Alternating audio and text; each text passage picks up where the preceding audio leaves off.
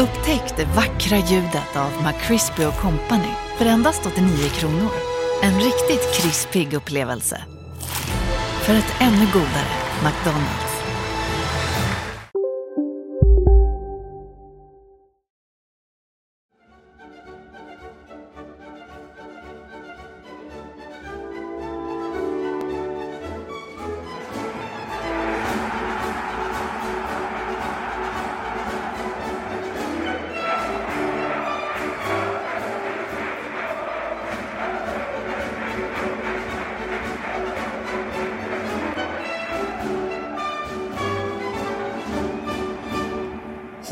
Är nu fyra poäng bakom Degerfors på kvalplatsen. Så är läget efter att Degerfors ja, kvaddade Djurgården i förra omgången. Och att HIF då förlorade borta mot Kalmar. Kanske ingen större eh, sensation med tanke på hur bra Kalmar varit och inte minst hemma den här säsongen.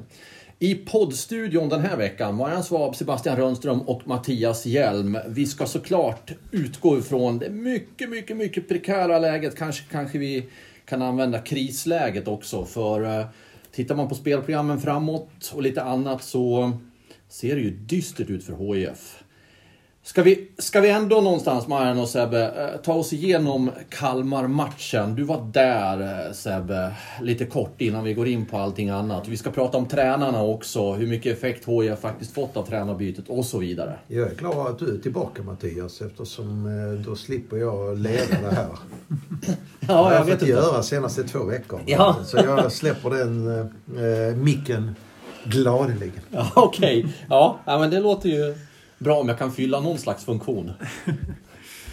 ja, vad ska man säga? Eh, HIF eh, fick att göra uppe på Guldfågeln Arena. Eh, de första ja, gud, ja. 15 minuterna var det inte många bolltouch som var i, eh, i mörkblå eh, ägo. HIF hade ju bortatröjorna på sig. Eh, det var väl inte förvånande att Kalmar hade mycket boll och att de eh, styrde matchen. Det, är inte konstigt utifrån den aspekten, men, men det, jag tycker framförallt där första kvarten, de första 20 minuterna innan HF kunde samla sig och snacka ihop. Ehm, innan dess så, så kändes det som att HF inte ens var närvarande i matchen. Det, det var inte bara det att Kalmar hade mycket boll, för det hade varit helt okej okay om de hade det så länge HIF låg rätt i sina positioner, spelade avvaktande, stängde ytor. Men nu öppnades istället ytor. Kalmar hittade in med instick centralt, man kom ut på kanterna, man anföll eh, på flera olika sätt och HIF var ja, två, tre steg efter i varje aktion eh, de första 20 minuterna. Och det, det förvånar mig att det såg ut så, för vi har ju pratat en del om att ja, men vi ändå tycker att det finns en viss intensitet i, i spelet och, och så här. Och det är väl möjligt att det var eh, någon slags taktiskt drag att låta Kalmar föra spelet och, och det, det är fullt rimligt men Nog borde man ha krävt mer av HIF än, än det som var i inledningen av matchen i alla fall. Nu fick ju också Kalmar den perfekta starten med mål redan i den femte minuten var det väl. Eh, ett mål som, visst det går att diskutera men Sebastian Hanasi tar något slags skott. Och så flipperspel på Kasper Videll. Och sen blir det ju rörigt och man ska hinna ställa om sig i huvudet. Så det, det kanske inte går att kritisera försvaret för mycket där i, i den andra situationen ändå. Men, men det målet såklart med Kalmars hemmastyrka dessutom. Det sätter ju HIF i en ännu jobbigare situation. Ja, det gör det. Lite dovt där. Ja, äh jag vet inte var jag ska börja riktigt. Det var eh, väldigt länge sedan jag såg HIF vara så långt ifrån att eh, kunna tävla i en fotbollsmatch. Eh, det var slående. Och, det, och, och, och, ja, ja, jag köper ju det här med att man har, alla var införstådda med att, hur Kalmar spelar och så. Men är inte, är, var tanken verkligen att man skulle vara i det läget passiva som man var. Jag vet inte. Och det där tycker jag, här, här är en grej som ligger på tränarna i detta läget. Om, man har, om detta var matchplanen, att vara så försiktiga, att inte ens försöka komma upp i någon slags press. Sen gör Kalmar det väldigt bra, absolut. Men man vet ju hur Kalmar agerar och, och, och att i det läget bara vara så passiva.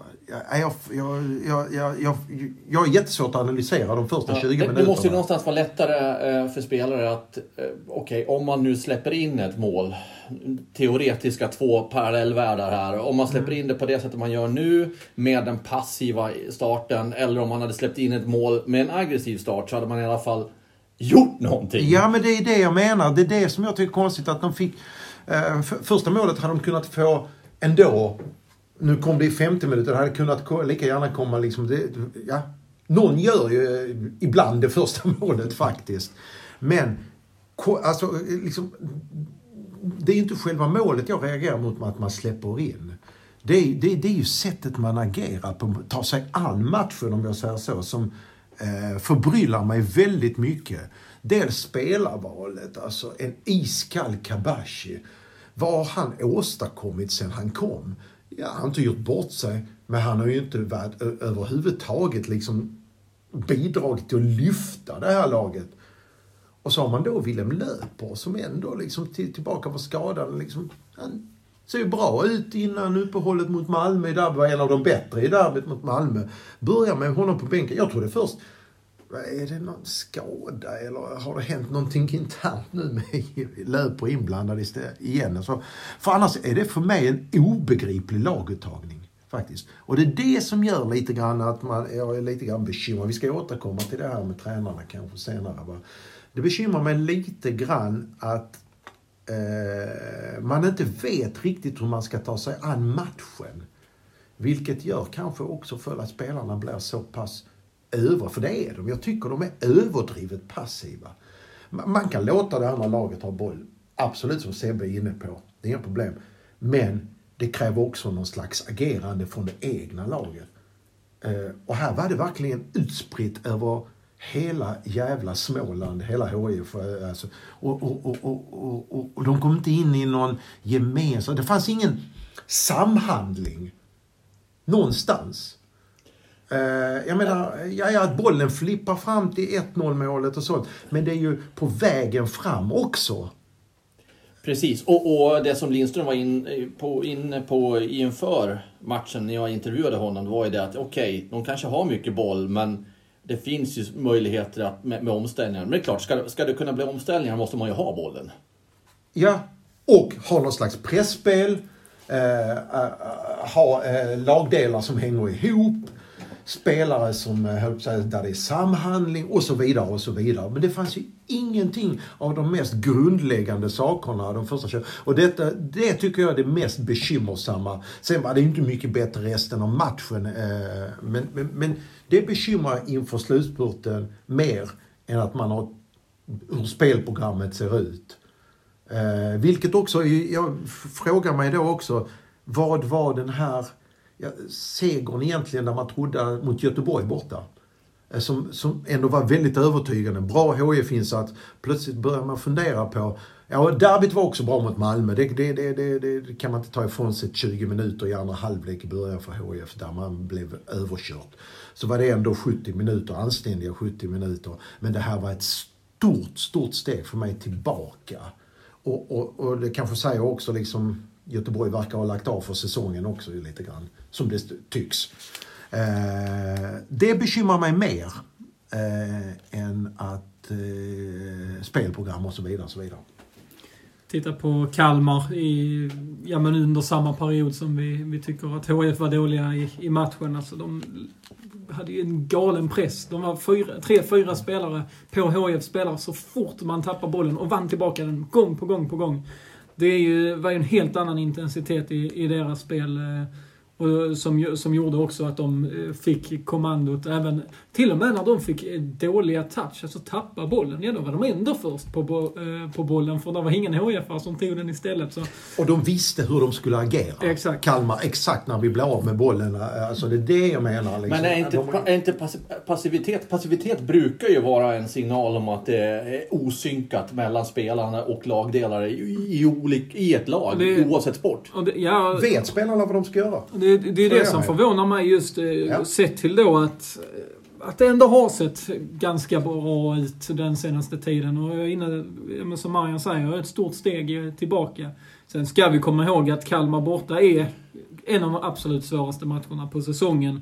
Eh, Erik, eh, som, som inte är med i podden denna veckan, han, han skrev i sin krönika om liksom, Kalmars revolution under Henrik Rydström. Det är ju ett otroligt imponerande... Och det har gått snabbt. Ja, det har gått snabbt. Det har väl tagit eh, två år så har han eh, vänt upp och ner på hela den klubben till det positiva. Och det går bara att imponeras av. De, de är alltså två poäng från tredjeplatsen och Europaspel. Det, det, det, det, måste vi ha med oss. Men jag tycker Men liksom agerandet... vi pratar inte med Champions League-lag. Nej, nej, nej. Det, alltså agerandet från HIF var inte på en, en sån nivå som, som håller i Allsvenskan. Sen så blev det lite bättre, absolut. Det, det, det får vi ändå eh, tillstå att de höjde sig någorlunda efter de första 20 minuterna. Men till skillnad från alla andra matcher, vi har pratat väldigt mycket om att HIF är nära men inte hela vägen fram. Här var de inte nära i denna matchen. Nej, nu, Där håller jag med om helt. nu hade de ju ett par chanser ändå. Någon ja. riktigt svettig eh, Kalmar-räddning bland annat. Ja, Ricardo Friedrich eh, storspelare ju. Som han ofta gör den här säsongen i Allsvenskan. Men så kom det också ett, ett andra mål för Kalmar. Som HIF-spelarna blev topptunnor rasade, blev topptunnor rasade, över, rasande över. Eh, för de menade på att det var offside. Men om man tittar på, på de där, den där situationen så... Mm, jag har försökt ta det frame för frame och i huvudsändningen också så försökte de ju dra det med, i, i målområdet där med, med linjerna. Där. Och det, jag, jag, tycker nog att det, det var, ser ut att vara korrekt dömt. Nej, jag var också reagerat på en förra, Så, herregud, det måste väl vara för sig. Men jag, dels har jag pratat med folk som begriper det här bättre. Liksom, och domare då bland annat som säger så nej, nej, det där är mål ju. Och det är ju för att bollen eh, spelas, spelas, spelas bakåt, bakåt helt enkelt. Men eh, ja. Det nej, ser det, man kanske inte när man tittar det, på bilderna så. Det, det, det är ju såklart att... Alltså det, det är klart att HF ska reagera. Om det är en, en tveksam eh, offside eller så här så är det ju klart att HF ska, spelarna ska brinna. Det är klart de ska bli förbannade om, om, om och liksom skälla på domarna. Det tycker jag är helt rätt att man gör i, i ett sånt läge. Och även om det nu visar sig korrekt. Och det sa ju Alexander Falsetas när jag intervjuade honom efteråt också. Att han hade fått höra att det var rätt och då, då får han be om ursäkt för protesterna. Vilket jag tycker är snyggt gjort. Det, ja. det är det. Man blir glad att läsa sånt. Mm, exakt. Men jag, jag, tycker absolut att, att man ska liksom få lov att, att brinna och, och, bli förbannad om det nu är så att man då, hävdar ja. att det är offside. Och sen så får man släppa det efteråt om det är korrekt. Men, eh, men eh, det verkar ju ha varit eh, korrekt, så det är ju positivt. Och det var ju ytterligare en sån där hårfin situation senare i matchen. Ja, Abbe Khalili när han kom i, i utklädd och, och gjorde mål, eh, men blev avblåst eh, för offside och det var ju också väldigt eh, knapp eh, marginal. Eh, men det såg det, också där ut som att domaren någonstans gjorde rätt ändå. Så, eh, ja. Jag har fattat också på, som sagt var, liksom när man vänder sig till folk som säger att ja, men den, den, den, var, den är knapp men den är, det är offside. Jag vet inte. Det är som sagt var, det kom en diskussion också upp som Sebbe skrev om sen om VAR. Ja, det kanske vi ska ta ett varv till här nu. När vi ändå har Ja, nu vi har de här två situationerna.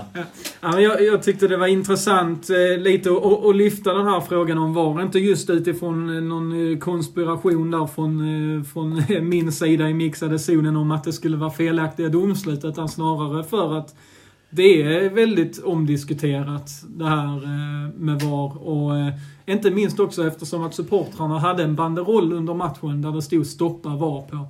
Eh, och kopplat då till att det blev lite irriterat i samband med de här situationerna. Som ju då får anses vara korrekt dömda. Absolut. Ska tilläggas att HIF har tagit ett eh, beslut Exakt. i samband med en årsstämma om att inte, att äh, inte jobba för VAR. Så Exakt. Så, så av, av, av de anledningarna tyckte jag det var intressant att, att lyfta den frågan ja. med några av spelarna. Då var, var det ju de som kom ut i mixade zonen. Alexander Falsetas som var lite skeptisk till VAR. William och Davidsen som väl stod någonstans mitt emellan och Abbe Khalili som var tydlig med att han vill ha VAR. Så det var lite oense där, HF-spelarna. Ja, precis som, som det är i fotbollsvärlden. Det är väldigt skilda åsikter. Och frågan är hur spridda eller synkade är vi här på HD? Vi har faktiskt inte pratat igenom det här innan vi börjar gå in och podda Nej. idag. Så att uh, vi kan ju ta det här och nu. Ja, uh, Vem vill, vem vill börja? Jag har också en bestämd åsikt i detta. Jag har ingen eh, bestämd åsikt, eller mer än att eh, jag tror inte vi kan huka det i eh, förlängningen. Eh, från början var jag emot det helt. Och det är jag väl i grunden också, än. Men jag tycker också mig se att till exempel där det har varit mycket barnsjukdomar det kommer att göras fel fortfarande trots eh, eh, eller med hjälp av VAR. Eh, men om man tar så här Premier League som då, om vi tar den ligan som då var, eh, använde i fjol, och det, det var högljudd, kritiken var högljudd, med all rätt. Det var några horribla eh, saker kopplade till VAR. I år, så här långt in i serien, det har varit vissa situationer, men jag upplever det att det inte alls är samma högljudda kritik och att det inte är samma, vad ska vi säga, stor, eh, eller lika många stora missar som i fjol. Eh, Champions League har jag dålig koll på för det har jag inte tittat på så mycket. Jag, inte, jag, kan, jag kan komma med ett exempel där. Eh, ja. Just kopplat till då det, det, det lite negativa parodiska. Senast i, nu under tisdagen igår, vi spelar in under onsdagen, så var det en situation mellan Porto och Bayer Leverkusen där eh, Bayer Leverkusen hade ett anfall, eh, Porto kontra, gjorde 1-0 i matchen. Sen så går VAR in och har hittat en straff till Bayer Leverkusen. Portos mål blir borttaget och så får istället Bayer Leverkusen en straff som de missar. Eh, det, den grejen tycker jag inte om. Jag tycker, jag tycker man, man verkligen bör väga vad VAR ska ta. Jag tycker offsider, absolut, sånt som är svart på vitt. Men jag, jag är lite... Ja, det här är absurt det jag är, jag är lite anti till det här med alltså bedömningsgrejer. Alltså allting, även om det kan absolut vara ett felbeslut om domaren missar en straff. Men det är trots allt en bedömningsgrej. Eh, offside, det får man betydligt mer svart på vitt. Antingen är man offside eller inte. Eller om bollen är inne. Eller om bollen är inne. Med, med HIs, första mål. Nu var den ju... Absolut. Mållinjeteknik är ju helt sjukt att vi inte har i Allsvenskan. Ja. Det kom redan... Eh, första gången det användes var väl under VM 2014. Alltså det är åtta år sedan alla ligor använder. Hur är det möjligt att vi inte har det i Allsvenskan? För det är inget som tar tid eller behöver granskas eller så. Eller är speciellt kontroversiellt tror jag i, Exakt. i de stora kretsarna. Alltså det, det, det är bara är det mål eller inte? Det är det. För alla har... vill veta det ju. Exakt. Är det mål eller inte? Det, det är sjukt och, och för dåligt att vi inte har det i, i svensk fotboll. Men, men var, jag, jag vill se någon slags ett reformerat VAR. Inte som det är idag. Jag, jag är lite emot det här att det, det ska gå in i bedömningssituationer där domaren är Eh, Eh, domaren är på planen för att ta beslut och gör han fel, ja, möjligt då får det vara så. Men offside och sånt som, där det är lättare att se vad som är rätt och fel. Det, det är ändå, men att VAR ska in och peta i enskilda bedömningssituationer, jag är lite emot det.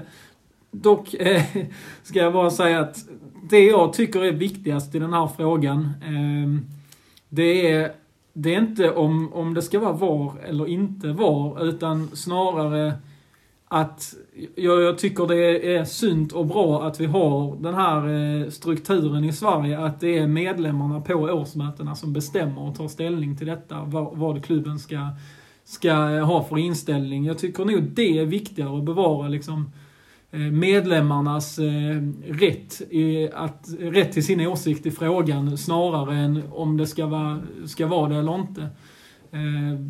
Kan vi hamna i ett läge det, det, där hälften av klubbarna, allsvenska klubbarna, jobbar för det medan hälften Exakt. har ett beslut så, om att man Nej. Så, så kan det ju bli och det, då kan det uppstå en konflikt och då får man väl eh, lyfta upp det till, till debatt eh, på ett, i ett större forum kanske. Men jag, i grunden tycker jag att det är bra att eh, att beslutsrätten ligger eh, på årsmötena. Sen är det väl också ett, är, finns det liksom en ekonomisk aspekt på det hela också. Är man en liten klubb som precis kanske har tagit steget upp och sånt. Det, alltså det här, vi snackar om miljoninvesteringar.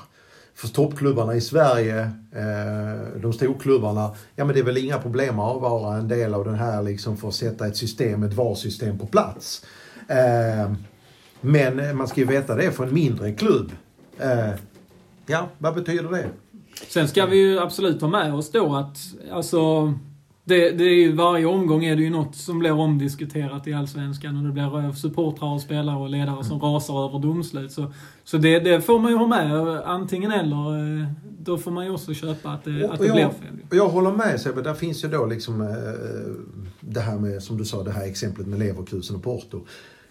Men om vi tittar på antalet gånger så har det faktiskt blivit fler rätt, tror jag, med VAR än vad det har blivit fel någonstans. Sen som när det blir fel så blir det ju tyvärr så här absurt. Of, rätt ofta upplever jag det. Men alltså antalet fel versus rätt, alltså till exempel om vi tar offside-regeln. Så upplever jag det, ja, det är jävligt tråkigt när det är en stortå som man är med offside med. Men man är offside? Man är offside. Eh, nu ska jag in här. Jag, yeah. jag, jag fattar ju att jag inte kommer att vinna någon popularitetstävling i svensk fotboll med det jag ska säga. Men jag kan ju å andra sidan säga att jag verkar finnas i alla fall i en liten eh, eh klubb med andra som eh, tycker likadant. Eftersom Abbe Khalili, mm. som är en av de viktigaste spelarna i HIF, ju tyckte att VAR var bra för att det blir mer rättvist. Och där är min huvudpoäng. Alltså hur man kan vara motståndare 2022 till VAR som definitivt skapar mer rättvisa. 100% rättvisa? Nej. Mer rättvisa? Ja.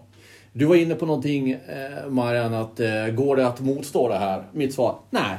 Varför ska svensk fotboll vara någon slags motvalls... Eh, motvalsdans eh, i det här när övriga fotbollsvärlden går, ja, går med VAR. Jag tycker bara det är bakåtsträvande och jag och jag har inga problem med att det blir avbrott i matcherna heller. För det är ju också ett argument som, som diskuteras. Ja, men det, det, det förstör flowet, det förstör flytet. Ja, men det kanske till och med ibland kan vara någonting som är bra att det, det förstör flytet. Så att, att det kan bli ja. ganska tråkiga matcher också. Jo, men det får inte bli så här alltså, som sagt var att ett lag som har gjort mål, målet blir bortdömt för att två, tre situationer där inne i, nere i andra straffområdet så har någon valdomare uppe i rummet upptäckt att det är straff här nere till det andra nej, laget. Nej, men, det blir ju absurt för Ja, men det är sånt som kan hända. Det har ju hänt i hockeyn också. Det är ju liksom, visst, det, det är inte det, det, optimala, men man får kanske ta lite grann av, eh, hur säger man, man brukar använda ett uttryck, ta det onda med det goda.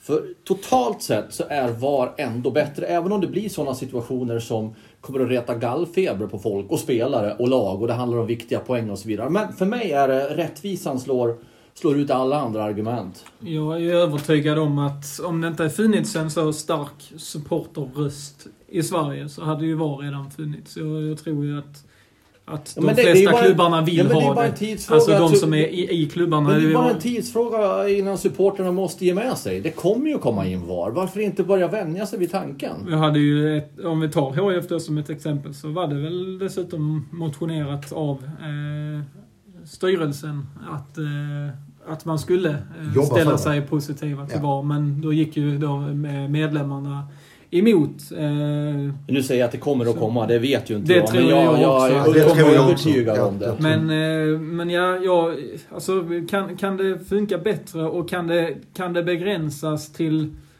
vissa eh, specifika händelser i matcherna? Ja, vad tycker du där Mattias? Jag är inne på Sebbes linje. Att man ska kunna ha det Eller du vill släppa fritt i alla situationer. Var? Den är svår den är svår, men någonstans måste man ju dra gränsen. Bara att det finns ett eh, tydligt eh, ramverk för vilka situationer det ska gälla i så fall. Mm. Men mållinjeteknik är vi överens om? Ja, oh ja. ja. Oh ja. Men nej, jag är för all teknik som förbättrar rättvisan. För ja. mig är det en egentligen, ja, man ska, nu ska man kanske blanda äpplen och päron här. För mig är det det viktiga liksom att svensk fotboll egentligen, för, mig, för att VAR kommer komma. Så för mig är det ingen jättestor fråga egentligen. Jag känner inte att det är så. Däremot så tycker jag det är en viktigare fråga till exempel om vi tittar då på eh, eh hur säger, teknikaliteter som har med spelet att göra och så. Så är det viktigare med att man jobbar mot att få bort konstgräs. Ja, det, för det, det kommer vi också komma... För absolut. mig är det det pri...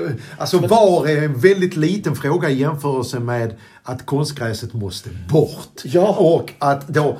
Jag säger inte att alla ska ha... Jag förstår att man inte kan ha det i Sundsvall, i Värmland och så. Alltså liksom i, sent i november om det vi spelar det. Där. Oh, men det måste man men, ha. men, men alltså vi, vi måste kunna ha... Det, det finns ju jättebra hybridgräs idag. Hybridvarianter. Det, det kan jag sträcka mig till, men konstgräset måste ja, bort. Framförallt, alltså det har ju spelats allsvensk fotboll eh, längre, än vad det, längre än vad det har funnits konstgräs. Så uppenbar, ja. Visst, man får väl kanske leva med att planerna är lite sumpiga i slutet ja, av ja. oktober, men, men det, det tycker jag ändå. Alltså, det, man, man sätter sådana krav på elitlicens att man ska ha e- ekonomiska förutsättningar för att kunna klara av att spela i Allsvenskan och Superettan. Då tycker jag att man kan väga in att du ska kunna sköta en ordentlig gräsplan och så ha en ha vaktmästare som kan gå och stampa i tuvor om, om det krävs. Det, det, det borde vara ett krav på Här, här är vi helt eniga och jag säger som jag sagt tidigare. Och det är viktigare varför gör, varför gör det svårare än vad, vad kartan säger? Vi har ju redan eh, regioner i vårt land. Vi har Götaland, Svealand och Norrland. Ja men fine, kör, kör. Eh, se till att eh, konstgräs då skulle vara okej okay i Norrland men inte i Svealand och Götaland. Punkt. Då har vi klimatzonerna där också. Ja, det var ja. min... Ja. ja. Vi kan släppa det. Det är en intressant diskussion. Alltså för fotbollen som sagt var, eh, den är ju en av, det, det är ju en väldigt konservativ miljö i mångt och Ja men ta jämför bara med hur det var med tennisen när Andre Agassi var i slutet av 80-talet ja, ville spela med lite färgglada tröjor i Wimbledon. Ja, ja. Hej och hå vilket ramaskri. Golfen. Men, men eh, snart är ju Snart är till och med golfen före fotbollen känns det som ibland. Ja men alltså som sagt var och tekniken har ju också kommit in i tennisen. Ja, ja visst. Eh, vad det gäller, för det var liksom bollar, till slut så blev det för mycket alltså tveksam och det, när de stora pengarna kommer in. Då vill du inte ha att HIF till exempel i sista omgången mot Hammarby, om det hänger på att de får en kvalplats eller inte, får en sån här, var bollen inne eller inte? Det vill man ju inte ha. Nej. Det, Nej, det vill man det, inte ha. Det vill man ju inte ha, ja. kan jag känna någonstans. Eh, det är ju samma sak, alltså, det, det, hur hade VAR döm, bedömts om HIF i sista matchen mot Västerås, när man fick den där icke-straffen som man kunde kvala sig upp, fick kvalplatsen mot Halmstad. Ja, hade, med, med VAR så hade inte HIF spelat i Allsvenskan. Eller så hade de gjort det. Vi vet ju inte domarna hade sett det, men det, det, det, det, är som du säger Mattias, troligtvis hade ju domaren sett att nej, här har jag gjort ett felbeslut alltså när, att döma straff i detta läget. Men eh, det här med mål eller inte, det, det, det borde inte ens vara en fråga. Vi hade ju ett läge här uppe i Norrköping för någon omgång sedan. Mm när, vem fick, äh, när Oskar Jansson grävde ut en boll, var Norrköpings målvakt va? Ja. Och det, det, var ju så löjligt för man såg att bollen var ju klart mm. inne ju. Ja, nej det är ju... Det var, jag, jag vet inte, jag, jag har inte läst så mycket. Det är väldigt mycket fokus på VAR i debatten. Men det här ja. med mållinjeteknik läser man aldrig något Det är, det är inte ens en diskussion. Vad, jag vet inte ens vad anledningen till att vi inte har det är. Jag, jag begriper inte det. Men nu har vi haft det. Nu har ja. vi diskuterat nu har vi diskuterat det. Nu, har vi diskuterat nu sätter vi agendan här Ja, vi sätter agendan. Vi har diskuterat VAR och vi, vi är nästan överens eh, här. Nästan. Eh, men vi, nu ska vi snöa in oss på tabelläget. Eh, vi kommer till, till tränarfrågan Maja, så var lugn. Men... Jag är lugn. Ja, det är bra. Jag är, det är mycket bra. Jag, det låter som det är jag som... Vi är specialister på det vi gör, precis som du. Därför försäkrar vi på Swedea bara småföretag, som ditt. För oss är små företag alltid större än stora och vår företagsförsäkring anpassar sig helt efter firmans förutsättningar. Gå in på swedea.se företag och jämför själv.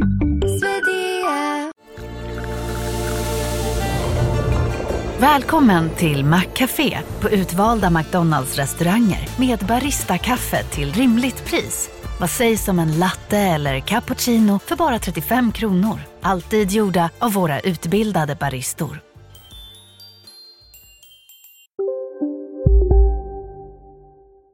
Minst lugn här. Sitter här och frustas. I alla fall. HIF är nu fyra poäng bakom Degerfors. Alltså HIF näst sist, Degerfors på kvalplatsen. Nu har målskillnaden är ju ingen jättehistoria heller. Det skiljer två mål där till HIFs fördel. Men om vi nu, innan vi, vi tar lite kommentarer kring tabelläget så Ska vi också titta på, på kvarvarande spelscheman här. Ska försöka dra det lite lugnare så ni hänger med. För att det är intressant att sätta det i relation till tabelläget. Då är det så, om vi börjar med HIF så har man alltså AIK borta härnäst. Man har Varberg hemma. Norrköping borta. Sen kommer den här som vi har både ringar och kryss runt. Eh, Degerfors hemma. I tredje sista omgången så avslutar HIF med Elfsborg borta. Elfsborg som har fått eh, ny fart. Och Hammarby hemma. Hammarby som i alla fall nu och förmodligen kommer eh, jaga Europaplatser. Över till Degerfors då. Degerfors har Sirius hemma i nästa match. Elfsborg borta, så det går ju på ett ut. De har också Elfsborg borta kvar, precis som HIF. Sen har man Göteborg hemma. Marian, du var inne på att Göteborg nästan har lagt ner säsongen. Och så har man då den här matchen mot HIF borta. Man har Värnamo hemma och Malmö borta. Ja, jag förstår att det för er som lyssnar är svårt att hålla alla lag i huvudet. Men ni kanske fick en känsla när jag sa alla lagen, precis som ni får här nu Sebbe och, och Marian. Vad, va, va, va, tänker ni när ni när ni hör kvarvarande spelscheman kopplat till tabelläget? Först och främst tänker jag att det, det ser på riktigt mörkt ut för HF. Det är... Eh, alltså att Degerfors vinner med 3-0 hemma mot Djurgården. Det är, det är ruggigt imponerande och det... det Femte raka med poäng. Exakt. Alltså Degerfors har även kryssat borta mot Häcken, kryssat borta mot AIK. Det är, ja, ta, alltså, ja. Alltså jag, jag tror inte HF hade vunnit med 3-0 hemma mot Djurgården. Liksom. Degerfors tar sina poäng. Jag, om jag tidigare har trott att det är 50-50 mellan de här lagen så lutar jag snarare åt 70-30 till Degerfors Och det är inte bara det att Degerfors är fyra poäng före nu som du lägger i det, utan du tittar också på spelschemat. Ja, jag väger in både spelschema men, men också, alltså, inte framförallt för att jag tycker HIF är... Nu var Kalmar-matchen ett steg tillbaka, men annars tycker jag ändå HIF har sett helt okej ut. Men det är just det här att Degerfors tar sina poäng. De, de vinner hemma mot Djurgården, de tar poäng mot Häcken, tar poäng mot AIK. Alltså det... Att, att äta i kapp fyra poäng mot ett, så, ett lag som, som fortsätter att ta poäng, det, det blir inte lätt. Alltså det, det kan ju mycket väl, väl vara så. Det, det, skulle till och med kunna vara så att den matchen mot eh, Degerfors hemma inte ens gäller någonting för HIF om, om det går riktigt illa nu i de kommande matcherna. Ja, bara nästa, bara nästa omgång. Eh, det är ju inte osannolikt, eh, får man säga, att resultaten skulle kunna vara att Degerfors vinner hemma mot Sirius. Det är fast det jag skulle komma på. Ja. Det är det som är det jobbiga för HIF nu för andra veckan i rad. Är att man kanske är, eh, ska jaga ifatt sju poäng. Det kan vara så. Kan vi vet inte. Nu, nu gjorde ju faktiskt, som du var inne på, HIF jättebra bortom mot Göteborg. Där man mm. vann, trots en, en mörk historik mot Göteborg trots att Göteborg i det läget faktiskt eh, hade en, en, en, bra tid bakom sig. Så att vi ska ju inte skriva in här att HIF får stryk borta mot AIK. Nej, AIK, är inte bra. i bra form. Nej, de är inte bra. Men visst, det skulle kunna vara så teoretiskt att det är sju poäng efter Men när de går in till AIK-matchen, som inte då är bra AIK, eh, så, så kan det ju skilja sju poäng. Och det är det att Degerfors, jag vet inte alls hur de närmsta omgångarna därefter, om det är HIF som spelar före. För det är andra veckan i rad Degerfors spelar innan vilket är, är en viktig poäng. Vilken är en viktig poäng. För det här, i detta läget i serien så är det såklart jättemycket mentalt spel som pågår. Uh, och visst, du kan åka upp till Solna och känna att ja, men vi har en match i handen. Uh, ja, men det är också så att du ser tabellen någonstans.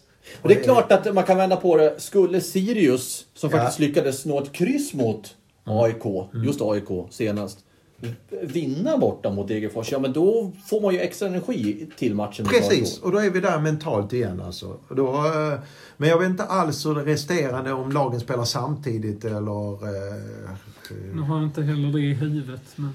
Eh, jag tänker på till exempel i nästa omgång. Om det är ah, samma sak ska där. Vi se, jag tittar här nästa omgång spelar Degerfors på lördag och HF på söndag. Ja. Det är samma igen, mm. men då är Degerfors och Elfsborg borta och HF hade Varberg hemma ja. Men visst, då kommer det i det läget kanske att det skiljer en 7, 6, 7, 8 poäng eh, till Degerfors och då möta Varberg i det läget, Jocke Perssons Varberg, är en annan sak än om du ligger en poäng efter Degerfors. Därefter så har HIF eh, Norrköping den 19 oktober och mm. Degerfors Göteborg hemma den 20. Så i ja. den, ett par matcher fram, då, då vänder det till... HFs... Ja, om man nu ska se det som en som fördel. fördel ja, precis.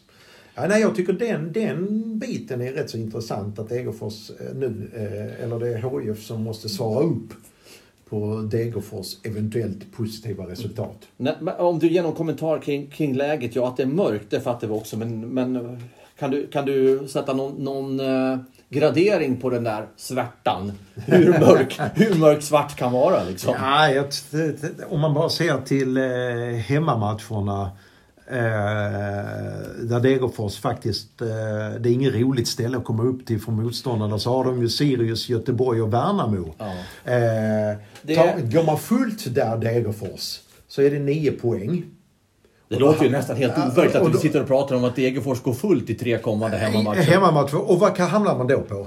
Då hamnar man på Ja, då är man uppe på bara... Nu har man ju 21 poäng, poäng så 21, då har man ju 30. 30 poäng. Det innebär att HIF måste ta 13 poäng. Av 18 möjliga. Minst. Efter, ja, jag utgår från målskillnad är det bättre nu för HIF.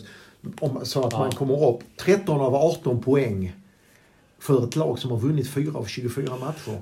Eh, det där jag, det, så enkelt eh, vill jag gestalta eller eh, bildsätta det här knepiga läget som HF har satt sig i. Det är alltså som sagt och, och då har ju de tre hemmamatcher mot Sirius Göteborg och, då, då, och Värnamo. Det är inte omöjligt att eh, Degerfors tar 9 poäng där. Och då hamnar man som sagt på 30 och då ska HF upp på 13 av 18 poäng. Och du tycker inte att det är lika själv, självklart, ska jag säga, men det är inte lika troligt då att HF tar 9 poäng på sina hemmamatcher mot Varberg, Degerfors och Hammarby? Nej, alltså det är ju för det första liksom som sagt bara sista matchen Hammarby som har då kanske allt att spela för. De andra två är görbara, absolut. Det, det, det, det tror jag. Men det, det, ska fortfarande tas 13 av 18 poäng. Det räcker ju inte bara Om för det nu är så att Degerfors ja, vinner de där tre, ska ja, vi säga. Ja, ja, då räcker det inte för HF att bara ta hemmamatcherna. Då måste man vinna några, någon, eh, en eller till och med ta fyra poäng på bortaplan. Eh, mot AIK, Norrköping och Elfsborg. Mm. Det, är ett jättetufft vi, vi, har, vi har en, en liten detalj. Den här omgången blev ju... Ja, det gick det, ju inte HIFs väg, så kan vi säga. Så kan vi säga alltså. Om vi ska vara snälla. Eh, tre mål upp för Degerfors, två minus för HIF och dessutom som sagt var... Mm. Det finns ju en liten detalj till vi kan peta in i det här. Kanske inte ska vägas in så mycket men ändå finnas med i helhetspaketet. Det är alltså att Degerfors har spelat sex av sju konstgräsmatcher. Man har bara en kvar medan AIK har två kvar på konstgräs. HIF, vad sa jag? AIK. Oj, förlåt. Ja, jag menar HIF. Hur jag kunde blanda ihop de två lagen är obegripligt i min hjärna. För att de men... möts kanske på söndag. Ja, ja. Skyll på det. Kan jag, kan jag ursäkta mig med det så, så vore det bra. Jag har inga, inga, inga sympatier så för AIK som var helt lugna där ute. Ah, ah. Nej men... Eh, och inget av, inget av Degerfors och HIF är ju alltså, några stjärnor på konstgräs.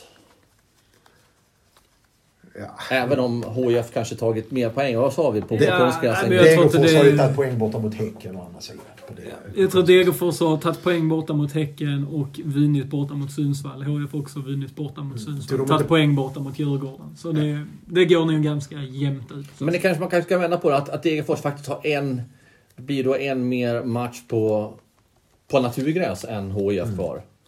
Det kanske faktiskt fyller en, en viss funktion. Men summa summarum, den, den här eh, luckan som blev nu efter denna omgången, det, den, den, den, är jobbig för HIF. Den är jättejobbig. Mm. Eh, för som sagt, nu har man ingen, för närvarande, för tillfället har man ingenting i egna fötter. Nej, eh, för tillfället är det så. Ja. Men vi ska också säga några ord om, om den kommande motståndaren AIK då. Jag tänkte på jag... det. Vad har, vad har de upp? Eh, kan Varberg till och med kanske? Eh, Varberg är åtta, åtta poäng för HIF. Det är mycket. Det är mycket. Det är mycket. Men, men AIK är ju faktiskt inte i någon bra form. Jag räknar tillbaka det där, om man nu ska kalla det för höstsäsong, men det får vi göra eftersom höstsäsongen började ganska tidigt. Men då har man ju alltså spelat 13 matcher sedan dess. AIK har bara vunnit, får man säga utifrån AIKs perspektiv, fyra av de 13 matcherna. Spelat sex oavgjorda, tre förluster. Eh, de senaste matcherna så har AIK spelat oavgjort mot Sirius borta, Degerfors hemma och förlorat borta mot Varberg. Så man kan väl säga så här att AIK har inte visat någon stor form. AIK bör vara väldigt taggat på att eh, vinna igen för att inte tappa mark i eh, Europaplatsracet. Samtidigt vet jag inte vad AIK riktigt... Alltså det är en klubb som är, befinner sig i något slags vakuum. För att de, jag vet inte, dels går de ju och trä, väntar på en ny tränare. Goitom är ju bara en, liksom en tillfällig lösning, Henok Goitom. Eh, Ja, och det är alltid lite vanskligt det här med att man går och väntar på liksom vem ska bli nästa tränare i AIK. Så är det såklart, men spelarna är ju inte dummare än att de ser tabellen. Att okej, okay, vi har inte, inte ah, några bra resultat eh, med, med oss. Vi, vi, har en interimlösning kanske med, med Goitom. Men vi är fortfarande, trots detta, med i racet. För Hammarby är trea på 43 poäng. Sen kommer Malmö på 41, Kalmar på 41 och AIK mm. på 41. Det blir alltså två poäng från en tredje Nej, de kan ju fortfarande liksom göra något bra av säsongen. Exakt, absolut. Så, så att om de inte kan känna det hundraprocentiga eh, flowet och självklara i, i tränarfrågan så borde de kunna gå samman själva. Kan man tycka utifrån deras perspektiv och se att okej, okay, vi kan göra någonting av det här ändå. Jag har mycket svårt att se att eh, AIK-publiken dessutom skulle acceptera att man förlorar ytterligare en match mot lag på nedre halvan. Eh, och dessutom på hemmaplan där AIK ska vinna. Men det, det, det, ja, det, det, det är tveksam form. Ja, det är liksom, jag menar, titta på en sån, till och med en sån som eh, alltid står stadigt i AIK, Sebastian Larsson. Att, att, att Gudetti eh, inte skulle lyfta AIK på, no, på något sätt, det var jag ganska övertygad om när de värvningen presenterades. Jag tänkte bara att det här är bara de värvar ett namn. Men däremot så är det ju lite oroväckande för en sån som Sebastian Larsson har ju dippat på sistone, till mm. exempel. Och vi ska säga det att de kom undan med blotta förskräckelsen. För Degerfors höll på att avgöra på stopptid där. Helt rätt. Med två. Å Jajamän. andra sidan så kan inte Stefanelli ha sovit särskilt gott efter den matchen. För som han brände, som han missade. Ja. Så att, ja. Det kunde ha gått åt, åt båda håll där och eh, AIK borde väl ha avgjort det där innan. Vi ska inte säga något annat än att det finns kvalitet i truppen. Det är klart att det finns kvalitet i truppen. Eh, men som sagt var, det är väldigt mycket frågetecken för AIK just nu för tillfället. Spaning. HIF eh, har tagit fler poäng mot lagen på övre halvan än vad man har gjort mot lagen på nedre halvan. Se där! 9 mm. poäng mot lagen på övre halvan, 8 poäng mot lagen på nedre halvan. Det borde de ta med sig. HIF, det säkert HIF är alltså bättre mot eh, topplagen mm. än mot bottenlagen. Mm. Ska också säga någonting bara till detta eftersom jag pratade med eh, HIFs, nu ska vi se så jag säger rätt här, idrottsskade Terapeut var den korrekta benämningen va? Ja. Eh, Dale Reese, eh, mycket, mycket, mycket underhållande höll jag på att säga, att prata med honom. Nej, men det är en skön, skön man som uppdaterade oss om skadeläget. Och det verkar ju som att om jag skulle tolka och läsa Jag pratar med honom så ofta jag kan när jag är på träningen eller när jag springer på honom. ja, han är en skön, skön man. Ah, rolig. Eh, det verkar som att Thomas Rogne då skulle kunna vara tillbaka i spel. Eh, viktigt. Ja, Kalle Joelsson också förmodligen. Också viktigt eh, Och Alexander Faltsetas också förmodligen. Sen kanske det inte blir så, men, men det såg ju positivt ut på tisdagen i alla fall för alla tre spelares närvaro. Lite det är inte han som tar ut laget, det sa han till mig flera gånger. Det är inte jag som tar ut laget, nej. Så är det. Lite synd är ju eh, att HIF fick den här skadan på Benjamin Aqua. Eh, jag säger inte att det har blivit dåligt med Abbe Khalili och Falsetas, men jag skulle vilja knö in Aqua, en frisk Aqua någonstans i den här ekvationen just nu. För att... Eh, det, det, det, han, eh, han, han var i väldigt god form. Eh, han är den här boll... De är ju mer... Abbe Khalili är också delvis kreativ, men han är mer en tvåvägsmittfältare också.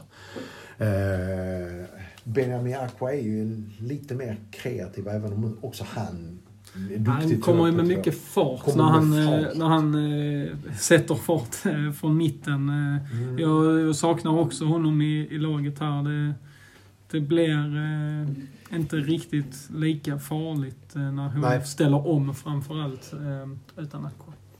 och det är ju där så att han tagit bort stygnen från sin knäoperation där menisken var skadad. Eh, och det var, såg väldigt bra ut, berättade Dale Reese. Och de har förhoppningar om att han faktiskt ska hinna, hinna tillbaka till någon eller några av de sista matcherna. Då vill det ju bara till att HIF också har någonting kvar att spela för under de här sista matcherna när Aqua är tillbaka. För då kan det bli ett riktigt välkommet tillskott. Det hade ju inte skadat om han var tillbaka mot Degerfors, om man säger så. Uh, jag tänker på, uh, förutom Benjamin Aqua, så tycker jag att man måste börja fundera lite grann på Tahali. Eh, han spelar i match efter match efter match. Ja, det händer sånt där, men frågan är om inte han hade mått bra av att kanske sitta någon match här nu. Sen är frågan vad alternativen är. I en match mot AIK som spelar mer fysiskt och så va. Så är jag rädd för att inte han kommer till eh, rätta. Dessutom så har han haft eh, han har haft väldigt mycket blandad, mixade insatser eh, oftast hamnat på minus i slutändan känns det som. Eh, gör mycket bra, eh, en, två bra, jätte, jättebra aktioner vanliga. För att sen liksom göra tre mindre bra aktioner. Ja, det... Och då, då frågar man sig, den här ojämnheten, tjänar HF på det? Ja, det där, det där är en intressant eh, frågeställning. Mm. Hans positiva egenskaper och röra om i grytan och vara... Ja, det är ingen som har det i Allsvenskan. Nej, omställningsspelare och inte bara det, men han kan sticka iväg snabbt, han har bollen in till kroppen, han kan göra så mycket rätt och skapa oreda och allt det där. Och sen så blir det inte så mycket av slutprodukten. Och skulle han inte spela, då blir det en annan typ av spel, kanske med fler inlägg, om man nu spelar ute till vänster och inte tia då. Men, mm. men så, vilken vågskål väger tyngst här? Jag vet inte. Alltså han kom ju, kom ju, alltså han hade ingen direkt erfarenhet av Allsvenskan sen tidigare och möjligt att man eh, ställde för höga förväntningar på honom inför. Men jag, när man ska bedöma honom så får man ändå utgå någonstans ifrån varför varvades han? Eh, och det var ju för att vara en stjärna i HIF. Han skulle ju vara en, en spelare som verkligen skulle få sitt genombrott och, och, och flyga ordentligt. Han har gjort tre mål och en assist den här säsongen. Det, det är ju inte tillräckligt bra för oss. Och två av dem kom i Djurgården i början av ja, serien. Exakt det är ju inte tillräckligt bra när man, är, när man har de kraven på sina axlar som man ju faktiskt varvades till HF för. Det är mycket möjligt att det var orealistiska krav, absolut. Men det är trots allt det han kom till HF för att göra. Och det, det har han ju faktiskt inte levt upp till. Just det, det tredje målet kom ju också i början på serien mot Elfsborg hemma. Ja. Så att alla just, samtliga just mål kom ju bland de första omgångarna där. Just den aspekten kan man knappast beskylla Taha Ali själv för. Han har blivit värvad. Han, eh, han har gjort så gott han har kunnat i tidigare klubbar och HIF fick upp intresset för honom och köpte in honom för stora pengar. Ja, det följer förväntningar. Det kanske är HIF som har helt enkelt ett, kanske man har gått snett på, på, de här, på värvningen. Jag vet inte, det får ni där ute tycka och tänka. Men det kan också vara så att man har gått snett på just förväntningarna på vad han faktiskt skulle kunna göra i Allsvenskan. Kanske förväntningarna också kanske måste lägga, alltså sett över 30 omgångar. För det är liksom, eh, eh, eh, kurvan har ju inte pekat uppåt på väldigt länge här nu. Och det, det är fullt naturligt. Kanske eftersom det är första gången han spelar kanske 30 omgångar i karriären, allsvenska omgångar. Att han då skulle hålla den, då är det lätt att det blir jäkligt bra i början dessutom när motståndarna kanske inte har scoutat honom ordentligt och sånt. Nu kan alla vad han går för. Uh, vilket gör det ett extra svår, uh, alltså svårighetsmoment för, i hans spel. Han möter ju folk som vet hur han kommer agera och så. Uh, någonstans här, sen vet jag inte riktigt, sen kanske vi diskuterar här, vad är alternativet hur en HIF 4 där framme med kanske Musin, Willen Löper, RVP. Vi kanske saknar en tia då. Kabashi kan ju gå som, som tia också. Ja, han är inte speciellt formstark. Har Nej. vi fler tior då? Rasmus Jönsson? Ja, han, är för, han är för dålig just nu alltså form. Det händer inte mycket med Rasmus. Alltså jag skulle liksom, så länge Benjamin Akvar var där så skulle, hade du kunnat ha Khalili ju. Som tia hade de ju också ju. Oh ja, alltså det hade ju ja. varit det, det optimala. Eh, kan också nämna eh, i och med att det, det kan bli viktiga, eller kommer att bli viktiga matcher här mot slutet. Vi, hur det ser ut med avstängningsläge. Just det. Det är ju en ny regel i år som gör att om man har gått utan gult kort i 10 matcher så stryks ett eh, gammalt gult kort så att säga. Eh, tre spelare, eh, eller fyra spelare i HF riskerar avstängning, vid, eller får, blir avstängda vid gult kort eh, i nästa match. Och det är William Davidsen, Arian Kabashi, Abbe Khalili och Thomas Rogne. Eh, Kabashi där eh, har bara har, eh, fått med sig, ja nu gör det ingen skillnad eftersom han har två gula i HF så är det samma läge oavsett. Men han har även med sig sina eh, gula kort från eh, Dalkurd i Superettan. Ja, Rogne om han nu kan vara med då och Kalili, det är två spelare som... Eh, ja. Förhoppningsvis är med hela vägen Ja, inte ta något mer kort resten av säsongen. Nej, Nej men det är det som sagt var, det är... Eh, eh, det är den att tira alltså på rollen. Det är hur man ska få ihop det. Det är, det är därför jag säger att jag tycker att det är väldigt olycklig den skadan på Benjamin Aqua.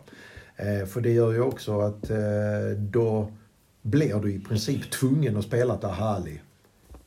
Eh, som då kanske hade mått bra av att vila någon match. Jag vet inte.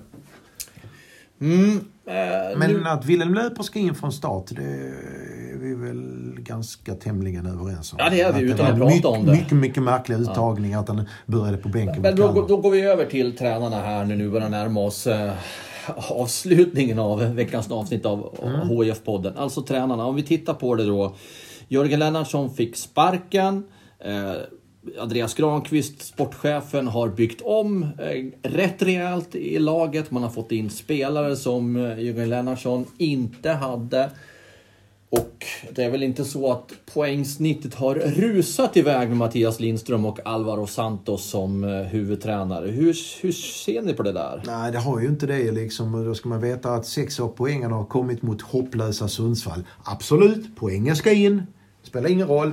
Men, eh, och vi ska, liksom, att, eh, men vi ska veta det också att som sagt var, sex poäng är tagna mot Sundsvall som i princip har varit ute ett bra tag ur Allsvenskan nu känns det som. Eh, eh och, då, då, och då kommer vi till eh, att man får titta vecka för vecka. Blir HIF bättre? Jag tycker de har blivit lite bättre kanske i, i vissa stunder, under vissa matcher. Och i början var det definitivt blev det en, ett lyft tyckte jag, Boost. Alltså. Men då var det också att de kom in eh, Mattias Lindström Alvaro Santos i ett läge där de inte hade någonting att förlora. Det lät, jag vet själv jag, att vi har diskuterat tidigare, jag var inne på det här inne i HF-podden och sa att eh, ja, men det går ju inte att hänga dem eh, med tanke på hur läget är när de kom in. Och eh, allt kan ju bara bli bättre nu. Och det, det, det, det, och det har de ju haft med sig in och allt var kul. Men jag tror att de börjar också känna av nu att oj, HF kan faktiskt åka ut med oss vid rodret. Aj då. Nu börjar det liksom, liksom alla, äh, komma en press på dem också som inte fanns där kanske i början likadant. Som gör att det påverkar besluten, som gör att det påverkar liksom all metodiken, eh, hur man, har man med sig alla spelarna och så, och så vidare och så vidare och så vidare. Det är klart att de påverkas också och då ska man ju veta att ingen av dem har någon större erfarenhet av att träna på denna nivån och att träna ett lag i detta prekära läge som laget befinner sig i dessutom. Eh, det tycker jag liksom att det märks också här eh, nu. De, de försöker absolut göra massa rätt och så men jag vet inte.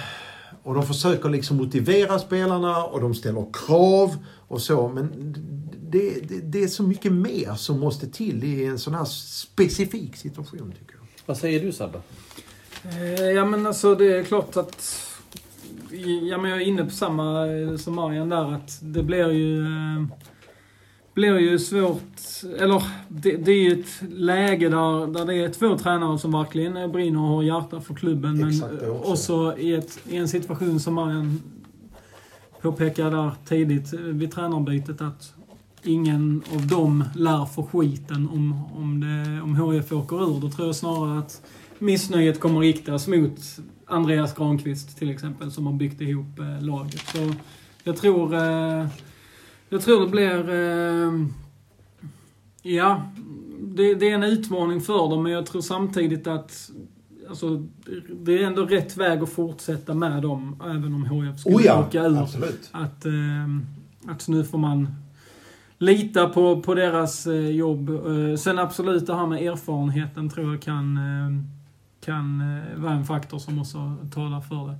Vi ska dessutom komma ihåg att ett lag som Degerfors som fick en usel eh, start på Allsvenskan var väl nästan historiskt dåligt tror jag.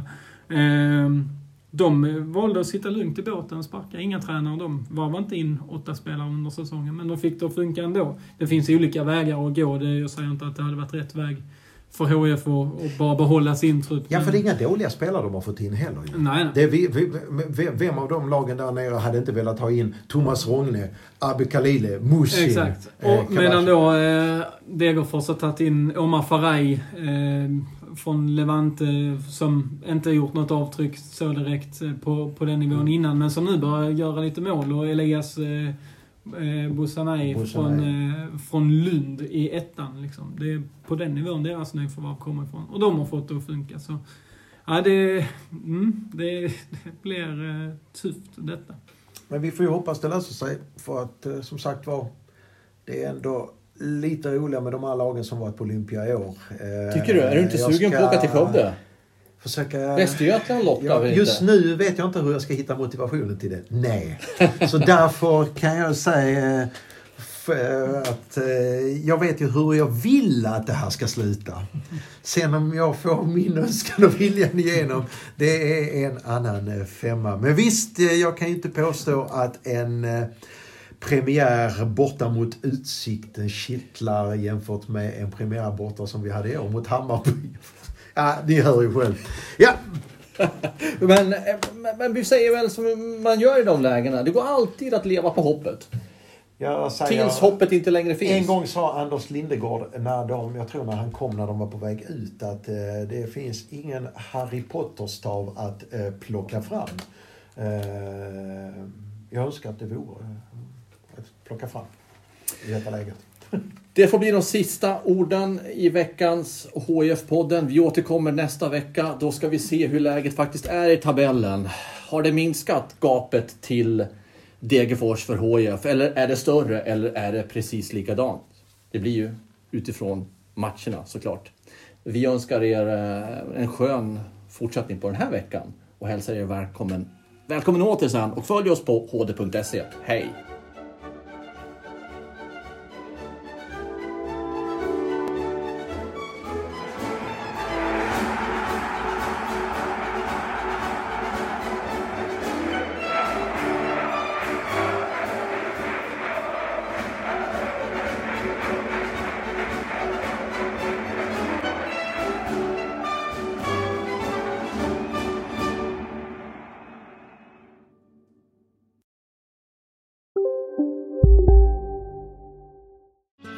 Susanne Axel här. När du gör som jag och listar dig på en av Krys vårdcentraler får du en fast läkarkontakt som kan din sjukdomshistoria.